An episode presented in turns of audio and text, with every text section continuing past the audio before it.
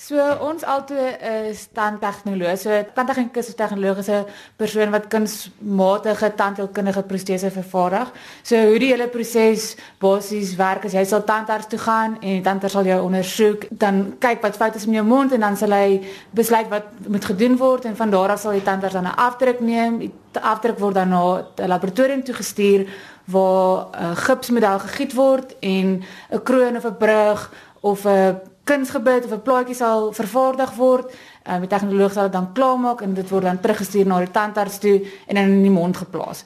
Bobby, sê net nou verduidelik presies wat dit is wat jy doen, maar ons sit nou hierso waar jy besig is om te werk. Daar's vier rekenaars oop.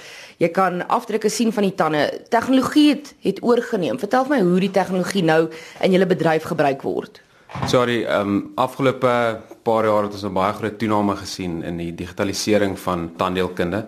Mens noem dit CAD/CAM, waarvoor dit staan is Computer Aided Design en Computer Aided Manufacturing. So basies hoe dit die proses verander is dat die laboratorium nou daardie afdruk of gipsmodel kan inscan. Die tandarts kan selfs 'n binnesmondse scan doen van die pasiënt se mond. Dit bring dan 'n 3D beeld op jou rekenaar op waarop die protese dan ontwerp word. Na die ontwerp is word dit gewoonlik in STL vorm gestuur na 'n CNC milling masjien of 'n 3D printer toe.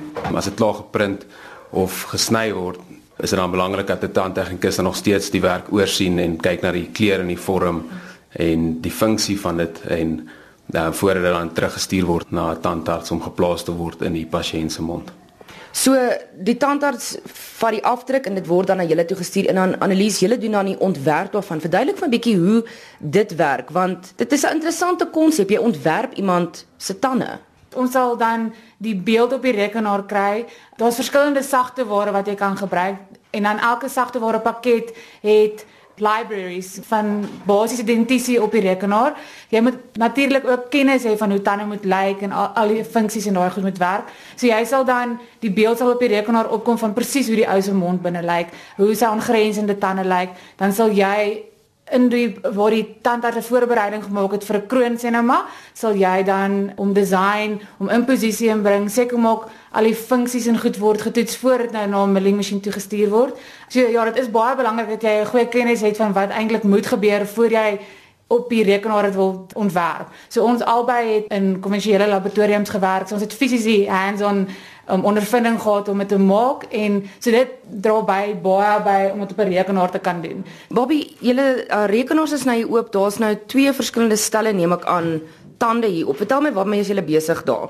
So basies op die een op die een rekenaar kan ons sien watse files ons het om te ontwerp daar word van verskillende laboratoriums af vir ons werk gestuur. So ons ons doen basies vryskut ontwerp vir laboratoriums wat nie kan bybly met hulle oorvloei van werk nie. Of vir ouens wat nou nou net die die digitale wêreld betree het en nog nie seker is van die ontwerpwerk en so en dan help ons hulle om om dit reg te kry en op die ander skerm die fisiese ontwerp wat ons besig is om te doen. So nou wanneer jy met die ontwerp besig is, wat kan jy alles verander want daai is nou is dit nou die afdruk wat jy ontvang het. Annelies verduidelik vir my daar. Basies op die skerm op die oomblik is 'n die onderkaak van 'n persoon wat 'n molar kroon gaan kry. So op die op die skerm kan jy dan um, presies die kroon intrek. Hierdie is nie uh, soos 'n binnemondse scan nie, dit is van 'n 'n scanner af die 3D beeld word dan na ons toe gestuur. So hierdie is presies eintlik is in real time die kleur wat die model nou was en alles. So ons sal dan die kroon daarop maak, seker maak daar's nou sy aangrensende eh, boog so sy sy maxilla, dan kan mens al die funksies toets. So hier is wat jy in die hand het sy hou, jy nou artikulator wat jy nou kan kyk hoe die tande skuif, hoe hy gaan gaan byt. Seker maak die kroon is nie hoog in die mond nie want jy wil nie die pasiënt moet ongemaklik wees nie. So alles wat jy eintlik sou doen met jou hande, doen jy nou op die rekenaar. So al jou jou tools wat jy gebruik in 'n laboratorium is nou in die rekenaar en jy so ontwerp jy dan net maar.